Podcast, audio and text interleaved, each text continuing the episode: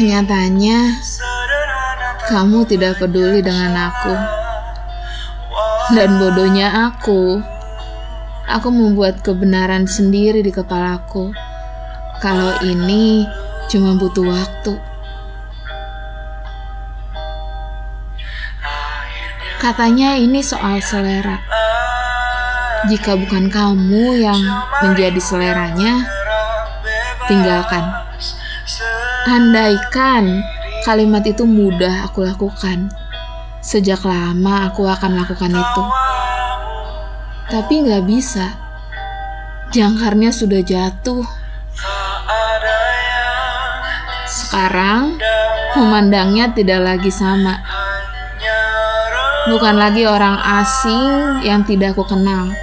Karena aku berusaha semakin mengenalnya, sekalipun dia tidak ingin mengenalku.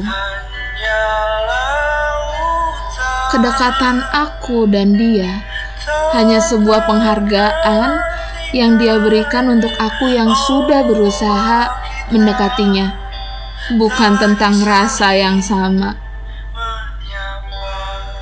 Dengan sadar, aku mengakui aku bodoh sudah berlabuh dalam waktu lama di dermaga ini.